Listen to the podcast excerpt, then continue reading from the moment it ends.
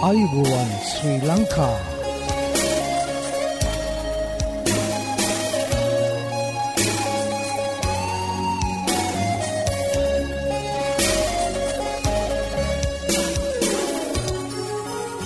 ඔබට සුපදවස මේ ඇඩවෙන්ටිස්වර් radio බලාපොරොත්වය හඬයි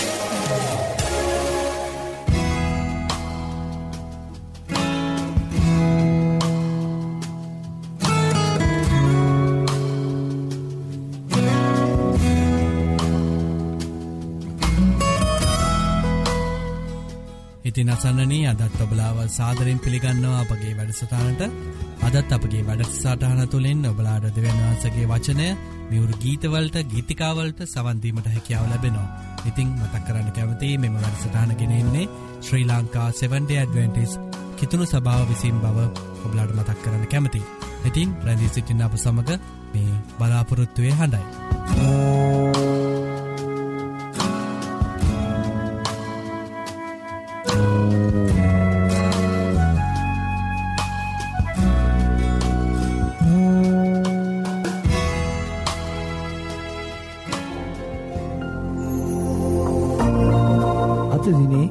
Bible පාටය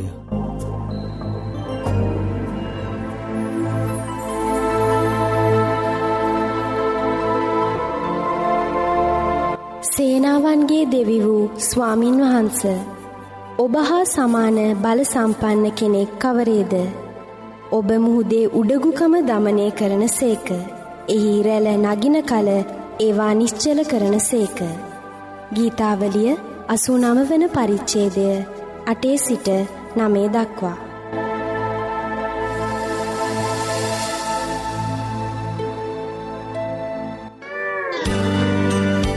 ආයුබෝවන් මේ ඇඩ්විටිස් වර්ල් රේඩියෝ බලාපොරොත්වය හන. ඔබ කඳුළු බර ජීවිතයක් ගත කරනවාද අසානකාරි ජීවිතයක් ගත කරනවන. එසේනම් එයට පිල්තුරු යේසුස් වහන්සේ. මෙතුමා ගැන දැනගැනීමට නම් අපගේ සේවයට සවන් දී අපේ සේවය තුලින් නොමිලේ පිදෙන බයිබල් සහ සෞඛ්‍ය පාඩම් මාලාවට අදම ඇතුල් වන්න. මෙන්න අපගේ ලිපින ඇඩ්වෙන්ටිස් වර්ල්ඩ් රේඩියෝ බලාපොරොත්තු වේ අඩ තැපැල් පෙට්ටිය 9.5 කොළඹ 3.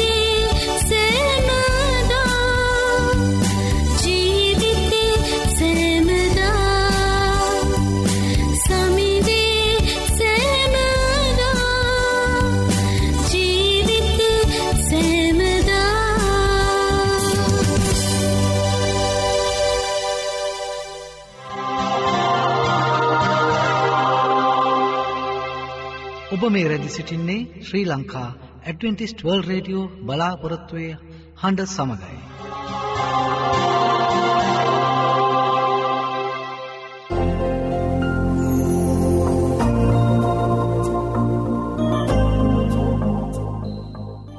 ඉතින් හිතවත හිතවතිය දැන් ඔබට ආරාධනා කරනවා අපහා එකතුවෙන්න කියලා අද දවසේ ධර්ම දේශනාවට සවන් දෙන්න අද ඔබට ධර්ම දේශනාව ගෙනෙන්නේ හැරල් ෆිනෑන්ඩු දේවක තිතුමා විසින් ඉතින් එකතු වෙන්න මේ බලාපොරොත්තුවය හඬට.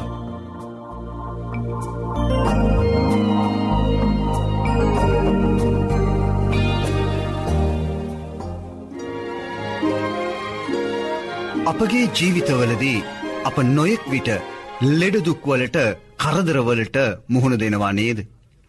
එවන් අවස්ථාවලදී අපට වැඩිමහල් අත්දැකිම් ඇත්තා වූ අය අවවාද අනුශාසනා දෙනවා. එක එක මනුෂ්‍යයාගේ සිටිවිලි හා අදහස් අනුව අවවාද අනුශාසනා දෙනු ලබනවා. නමුත් අපට හොඳ ජීවිත මගකට යොමුවන්නට අවවාද දෙන්නේ ඉතාමත්ම ස්වල්පදිනෙක්. එනමුත් අපගේ මුළු ජීවිත කාලෙටම අපට හොඳ ජීවිතයකට උපදේශයන් ලබාගත හැක්කේ දේවෝ වචනයෙන්ම පමණයි. අප විසින් කළ යුතු සහ කිවයුතුදේ ගැන උපකාර කරගත යුතු වන්නේ දේවවචනය නම් වඩාත්ම හොඳයි. අප එකක් කියා ඊට විරුද්ධ වූ දෙයක් කරන්නේ නම් ඒ දේවවචනයට පටහැනි වූ දෙයක් වෙනවා නොවනුමානයි. අපේ කීම හා කිරීම අපේ හර්ද සාක්ෂයටත් දේව වචනයටත් අනුව තිබිය යුතුයි. නැතිනම් අප වර්දට පත්වෙනවා. මන්ද අප කිතුබැතියන් බව අපම ප්‍රකාශ කරන නිසාත්. ලෝකයා ඒ බව දන්නා නිසාත්‍යය. ක්‍රිස්තියානින් වන අප දේව වචනය අනුව කතහා කරමින් උගන්වමින් දවස් ගත කළත්. ඒ අනුව ජීවිත ගත කරන්නේ නැතිනම් වරද අපේ. රජයට යටත්ව ජීවත්වීමේ අගය ජේසුස් ක්‍රිස්තුස් වහන්සේම අපට පෙන්වාදී තිබෙනවා.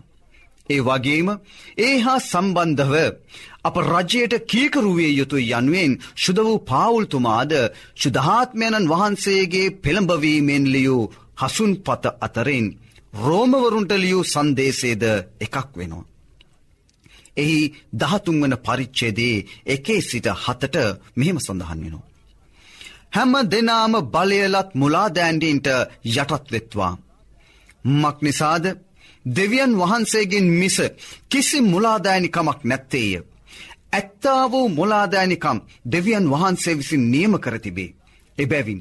මුලාදෑනිකම්මට විරුද්ධවන්න දෙවියන් වහන්සේගේ නියෝගයට විරුද්ධව සිටී. විරුද්ධව සිටින්නෝ තමුන් පිටට දඩුවම් පමුණවා ගන්නෝය. මක් නිසාද. ආණ්ඩුකාරයෝ නපුරු ක්‍රියාවට මිස යහපත් ක්‍රියාවට භය උපදවන්නෝ නොවෙති. නුඹ මුලාදෑනියට භයක් නැතිව සිටින්නට කැමැත්තෙහිද යහපත්දේ කරපන්න. එවිට ඔහුගෙන් නුඹට ප්‍රසංසාව ලැබී. මක් නිසාද නුඹට යහපත පිණිස. ඔහු දෙවියන් වහන්සේගේ සේවකයෙක්ය. නොමුත් නුඹ නපුර කෙරෙහිනම් භයවයන්න. මක් නිසාද ඔහු නිරර්ථකයේ කඩුව නොදරයි. ඔහු දෙවියන් වහන්සේගේ සේවකයෙක්ව නපුර කරන්නා කෙරෙහි උදහස පමුණුවනවර පිණිස පලිගන්නා කෙනෙක්ය. එබැවින් උදහස නිසා පමණක් නොව හර්ද සාක්ෂිය නිසාද යටත්වෙන්ට ඕනෑය. එසේය. නුඹලා සුංගම් දෙන්නෙත් මේ නිසායි. මක්නිසාද ඔවුහු මේ කාරණයෙහිම නොකඩව යෙදේ සිරින්නා වූ දෙවියන් වහන්සේගේ සේවකයෝය. එබැවින් සියල්ලන්ට යුතුදේ දීපල්ලා. සුංගම් දෙන්ට නිත්සාට සුංගම්ද. අයබදු දෙන්ට නිස්සාට අයබදුද දීපල්ලා. භයවෙන්ට නිස්සාට භයවයල්ලා. ගෞරුව ලබන්ට නිස්සාට ගෞරෝ කරපල්ලා. මෙයින් අපට පවසන්නේ රටක නීති හෝ රජයේ නීතිරීති නොකඩන ලෙසයි. දේව වචනය අපට එසේ පවසන අතර. අප විසින් රජයේ නීති පිළි නොපැද ඒවාට පටහැනිව ක්‍රියා කරන්නේ නම් දේව උදහස අපට ලැබෙනවා. අප අල්ලස් දෙන්නේ නම් වංචා කරයි නම් බොරු කරන්නේ නම් අපේ කිතුුණුකම අපෙන් හිස්වී තිබෙනවා. ඒ කිතුුණුකම අප තුළ ඇත්තේ නාම මාත්‍රයෙන්ම පමණයි. පගාවක්දී තම දරුවාට රැකියාවක් පත්වීමක් හෝ මාරුවක් හදාගන්නට වෙරදරන කිතුුණු පියවරු අප අතර ඇත්නම්. රටේ දූෂණ ඇතිවීමේ වේගයට වගකිව යුත්තේ ඔවුන්මයි. රටට වැදිබන දෙසමින් රට රවටන්නට ක්‍රියාකිරීම කිතුතුමන්ට වූ වේදනාවලට තවත් වේදනාවක් එකතු කිරීමක් නොවෙයිද. මෙලෙස දෙවියන් වහන්සේගේ වචනයෙන් අවවාද දෙන්නේ. මෙලොව මිනිසුන්ගේ රටක් රාජ්‍යයක් පිළිබඳව නම්. දෙවියන් වහන්සේගේ රාජ්‍යයෙහි නීතිරීති වෙනස් කිරීම ඒවා කඩකිරීම එම දේව නීතිරීති වෙනස් කර ඉගැන්වීම දේව නීතිරීති අනුව ජීවත් නොවීම පිළිබඳව කුමන කතාද ඔබත් මාත් තුළ. සිතා බලන්න. එය එසේ වුවොත් දේව උදහස කෙලෙසින් අපවිත බලපායිද. එලෙස සිදුවනොත් අපි කොතරම් අවාසනාවන්තද. කිතුුණු පවුල්වල සත්‍යයෙන් යුක්ත වූ සැබෑ වූ සාමයක් තිබිය යුතු යයි ලෞකික ලෝකයාගේ අදහස වන්නට පුළුවන්. අද සමාජයේ බොහෝ පවුල්වල ඇතුල් පැත්ත දෙස බලන විට ප්‍රේමය වචනයට පමණක්ම ඔවුන්ගේ ජීවිත තුළ සීමාවී ඇති බව ඔවුන්ට පෙනෙන්නේ නම්. ලෝකයාට අප විසින් කිතුනුවන් පිළිබඳව ලබා දෙන ආකල්පය කුමක් විය හැකිද. බොහෝ කිතුුණු පවුල්වල ප්‍රේමය හා සමාධානය ඇත්තේ වචනයෙන්ම පමණක් නේද. එකිනෙකා තුළ ප්‍රේමය පැවතිය යුතු බව දේව වචනයේ උගන්වනවා. ප්‍රේමය මුදලටවත් බලයටවත් උපාදි සහතික පතකටවත් ලබාගන්නට බැහැ. එක කොරන්ති පොතේ දහතුන්ගනි පරිච්චේදයේ ප්‍රේමිය ගැන කියන්නේ කුමක්ද. ඒ ගැන අපට හොඳට වටහා ගන්නට පුළුවන් ඒ කොටස කියවීමෙන්. මම මනුෂ්‍යයන්ගේද දෙවදූතයන්ගේද භාෂාවලින් කතා කරම්යෙන් නමුත්. මට ප්‍රේමේ නැත්නම් හඬනගන පිත්තලට නොහොත් ශබ්ද පවත්වන අත්තලකට මම සමාන වී සිටිමි. මට අනාගත වාක්‍යයකී මේ දීමනාව ඇතිව සියල්ලුම රහස්ද සියලු දැනගන්මද දනිම් නමුත්. කඳු පහකරන තරම් සියලු ඇදහිල්ල ඇතිව සිටිම් නමුත්. මට ප්‍රේමය නැත්නම් මම හිස්වෙමි. මා සන්තකසී යල්ලම දිලිඳුන් පෝෂණය කරන පිණිස දෙතත්. මාගේ ශරීරය දවන්ට භාර දෙතත්. මට ප්‍රේමය නැත්නම් මට කිසි ප්‍රයෝජනයක් නැත. ප්‍රේමය බොහෝ ඉවසිලිවන්තයි. ගුණවන්තයි. ප්‍රේමය ඊර්ෂයා කරන්නේ නැහැ. ප්‍රේමය පාරට්ටු කරන්නේ නැහැ. උඩගුවන්නේ නැහැ. අසෝභන ලෙස හැසිරෙන්නේ නැහැ. තමාගේම කාරණා සොයන්නේ නැහැ. කෝපවන්නේ නැහැ. නපුර ගණන් ගන්නේ නැහැ. අධර්මිෂ්ඨකමට ප්‍රීතිනොවී සැබෑව සමග ප්‍රීතිවෙනවා. සියල්ල දරාගන්නවා සියල්ල විශ්වාස කරනවා සියල්ල බලාපොරොත්තු වෙනවා සියල්ල ඉවසාගන්නවා ප්‍රේමය කිසි කල්ලෙක පහවන්නේ නැහැ. අනාගත වාක්‍යයකීම් වුවත් නැතිවෙනවා. භාෂාවුවත් නවතිනවා දැනගන්ම වුවත් නැතිවෙනවා මක් නිසාද අපගේ දැනගන්ම මන්දය. අනාගත වාක්‍යයකීම් මන්දය නමුත් සම්පූර්ණ එක පැමුණුනහම මන්දක්ව තිබිනදේ නැති වන්නේය. මම බාලෙක්ව සිටින කල බාලෙකුමෙන් කතා කළමි. බාලයකුමෙන් සිතුවේමි බාලයකුමෙන් කල්පනා කළෙමි දැන් මම වැඩි වයසට පැමිණ සිටින බැවින් බාලයාගේ දේවල් අත් හැර සිටිමි එසේය. දැන් අපට කැඩපතකින් අඳුරු ලෙස පෙනින්නේය නමුත් මතු මුහුණට මුහුණ පෙනෙනවා ඇත දැන් මාගේ දැනගැන්ම අඩුය. නමුත් මා දැනගනු ලැබූ ලෙසම මතුත් මම දැනගන්නෙමි. දැන් පවතින්නේ ඇදහිල්ල බලාපොරොත්තුව ප්‍රේමය යන මේ තුනය. මේනුත් ඉතාම උතුම් එකනම් ප්‍රේමයයි. අසමගිය වෛරය පලිගැනීම කෝපය අපහසය අප කෙරෙන් අත්හල යුතු බවට අනකරන දේව වචනය අපෙන් බලාපොරොත්තු වන්නේ ඒවාට ප්‍රතිවිරුද්ධ දේවල් බව අප අවබෝධ කරගන්නේ නම් වඩාත් යහපති. ක්‍රිස්තියානි නමදරණ සමහර අය. ප්‍රේමයට විරුද්ධව ක්‍රියාකර නීතියේ රැහැනට අසුවන කල තමා අඳුනන නීතිදායකයන්ට අල්ලස්දී. නඩු පෙරලා දැමීමට තරම් පසුබට නොවැනෝ. තවත් බොහෝ වැරදිකරමින් තමා දරණ නාමයට අපහාස කරනවා. එහෙත් වචනයෙන් නම් අනුන්හට අවවාද අනුශාසනා කිරීමට දේවවචනය පාවිච්චි කරනවා. ඒත් ක්‍රියාවෙන් තමාගේ වාසය උදෙසා ඕ නෑම වැරදිදයක් කිරීමට මැලිවන්නේ නැහැ. අප කිතුනුවන් වසයෙන් අපට තිබිය යුතුවන්නේ යහපත් හර්ද සාක්ෂයක් නොවෙයිද.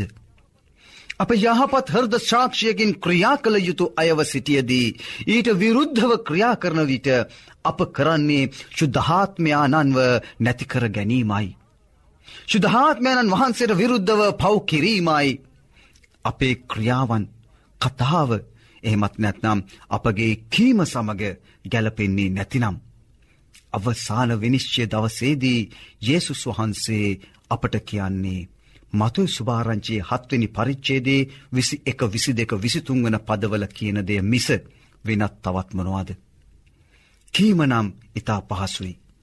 කිරීමනම් ඉතා අපහසුයි. ස්වර්ගයෙහි සිටින මගේ පියණන් වහන්සේගේ කැමැත්ත කරන්නා මිස. මට ස්වාමිනී ස්වාමිනී කියන සියල්ලෝම ස්වර්ග රාජ්‍යයට ඇතුල් නොවන්නෝමය. ඒ දවසේදී බොහෝ දෙනෙක් ස්වාමිනී ස්වාමිනී ඔබගේ නාමයෙන් අනාගත වචන නොකියවුමද. ඔබගේ නාමයෙන් යක්ෂයන් දුරු නොකළෙමුද. ඔබගේ නාමයෙන් නොයෙක් නොයෙක් බලවත් ක්‍රියා නොකළෙමුදැයි මට කියනවා ඇත. එවිට මම කිසි කල්ලෙකත් නුඹලා නොහැඳින්නෙමි. අධර්මිෂ්ටකම් කරන්නෙනි. මා කෙරෙන් අහක්ව පලයල්ලායයි ඔවුන්ට කියන්නෙමි. හරිම බලවත් අපගේ සිත්‍රනම් හරිම තද වචන පෙලක් නේද ප්‍රිය සහෝදරවරණි. නමුත් ඒදේ තමයි සිදුවන්නට යන්නේ මතු කාලයේදී. ඔබට උන්වහන්සේ මෙසේ පවසනවා. මාගේ කරුණාව ඔබට සෑහිනවා. මක් නිසාද දුර්වල කමේදී මාගේ බලය සම්පූර්ණ වන්නේ යයි මටකිසේක. එබැවින් ක්‍රිස්තුස් වහන්සේගේ ශක්තිය මා කෙරෙහි පිහිටින පිණිස මාගේ දුර්වලකම් ගැන ඉතා සන්තෝසයෙන් පාරට්ටු කරන්නෙමි. මෙලෙස අපගේ මිනිස් දුර්වලකම් අභිභවා දේව බලය අප ජීවිත තුළ අත්දැකිය හැකිවෙනවා නොවනුමානයි. එහෙමනම් අපි තවත් දුර්වලව සිටිමුද නැහැ. අපි කිතුනුවන් අපි ශක්තිමත් එහෙමනම් මෙන්න මෙහෙම අපි කියවමු. මා බලවත් කරන්නා වූ ජේසුස් ක්‍රිස්තුස් සම්මින්ධානන් තුළ මට සියලුදේ කරන්නට පුළුවන ආමේන්. අසන්නන්නේ ඔබ මේ රැඳී සිටින්නේ ඇඩ්විටිස් වර්ල් රඩියෝ බලාපොරත්තුවය හඬ සමඟ.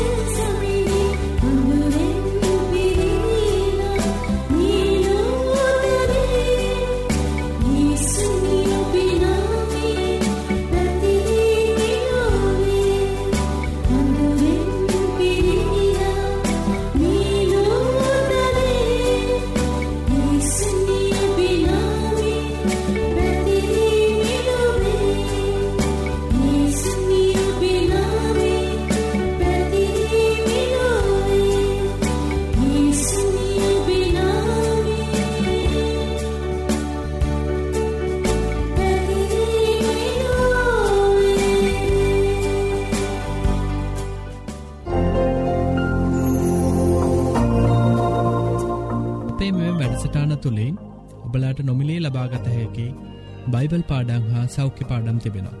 ඉතිං ඔබලා කැමතිනං ඒවට සමඟ එක්වෙන්න අපට ලියන්න. අපගේ ලිපින ඇඩවෙන්ටිස් වර්ල් රඩියෝ බලාපොරත්තුවය හඬ තැපැල් පෙට්ටිය නමසේ පහ කොළඹ තුන්න මම නැවතත් ලිපිනේම තක් කරන්න ඇඩවෙන්ටිස් වර්ල් රඩියෝ බලාපොරත්තුවය හඬ තැපැල් පෙට්ටිය නමසේ පහ කොළඹ තුන්න ඒ වගේ මබලාට ඉත්තා මත් ස්තුතිවන්ත වෙනවා අපගේ මෙම වැඩසිරාණ දක්කන්නාව ප්‍රතිචාර ගැන අපට ලියන්න. අපගේ මේ වැඩසටාන් සාර්ථය කර ගැනීමට බලාගේ අදහස් හා යෝජනාවට අවශ්‍ය. අදත් අපගේ වැඩසටාන නිමාව කරාලඟාව තිබෙනවා ඉතිං පුරා අඩහෝරාව කාලයක් අප සමඟ රැඳී සිටිය ඔබට සූතිවන්ත වෙන අතර හෙටදිනෙත් සුපුරෝධ පරිති සුපුරෘධ වෙලාවට හමුවීමට බලාපොරොත්තුවයෙන් සමුගන්නාම ක්‍රස්ත්‍රියකනායක ඔබට දෙවියන් වහන්සේකි ආශිරවාදය කරුණාව හිමියේවා.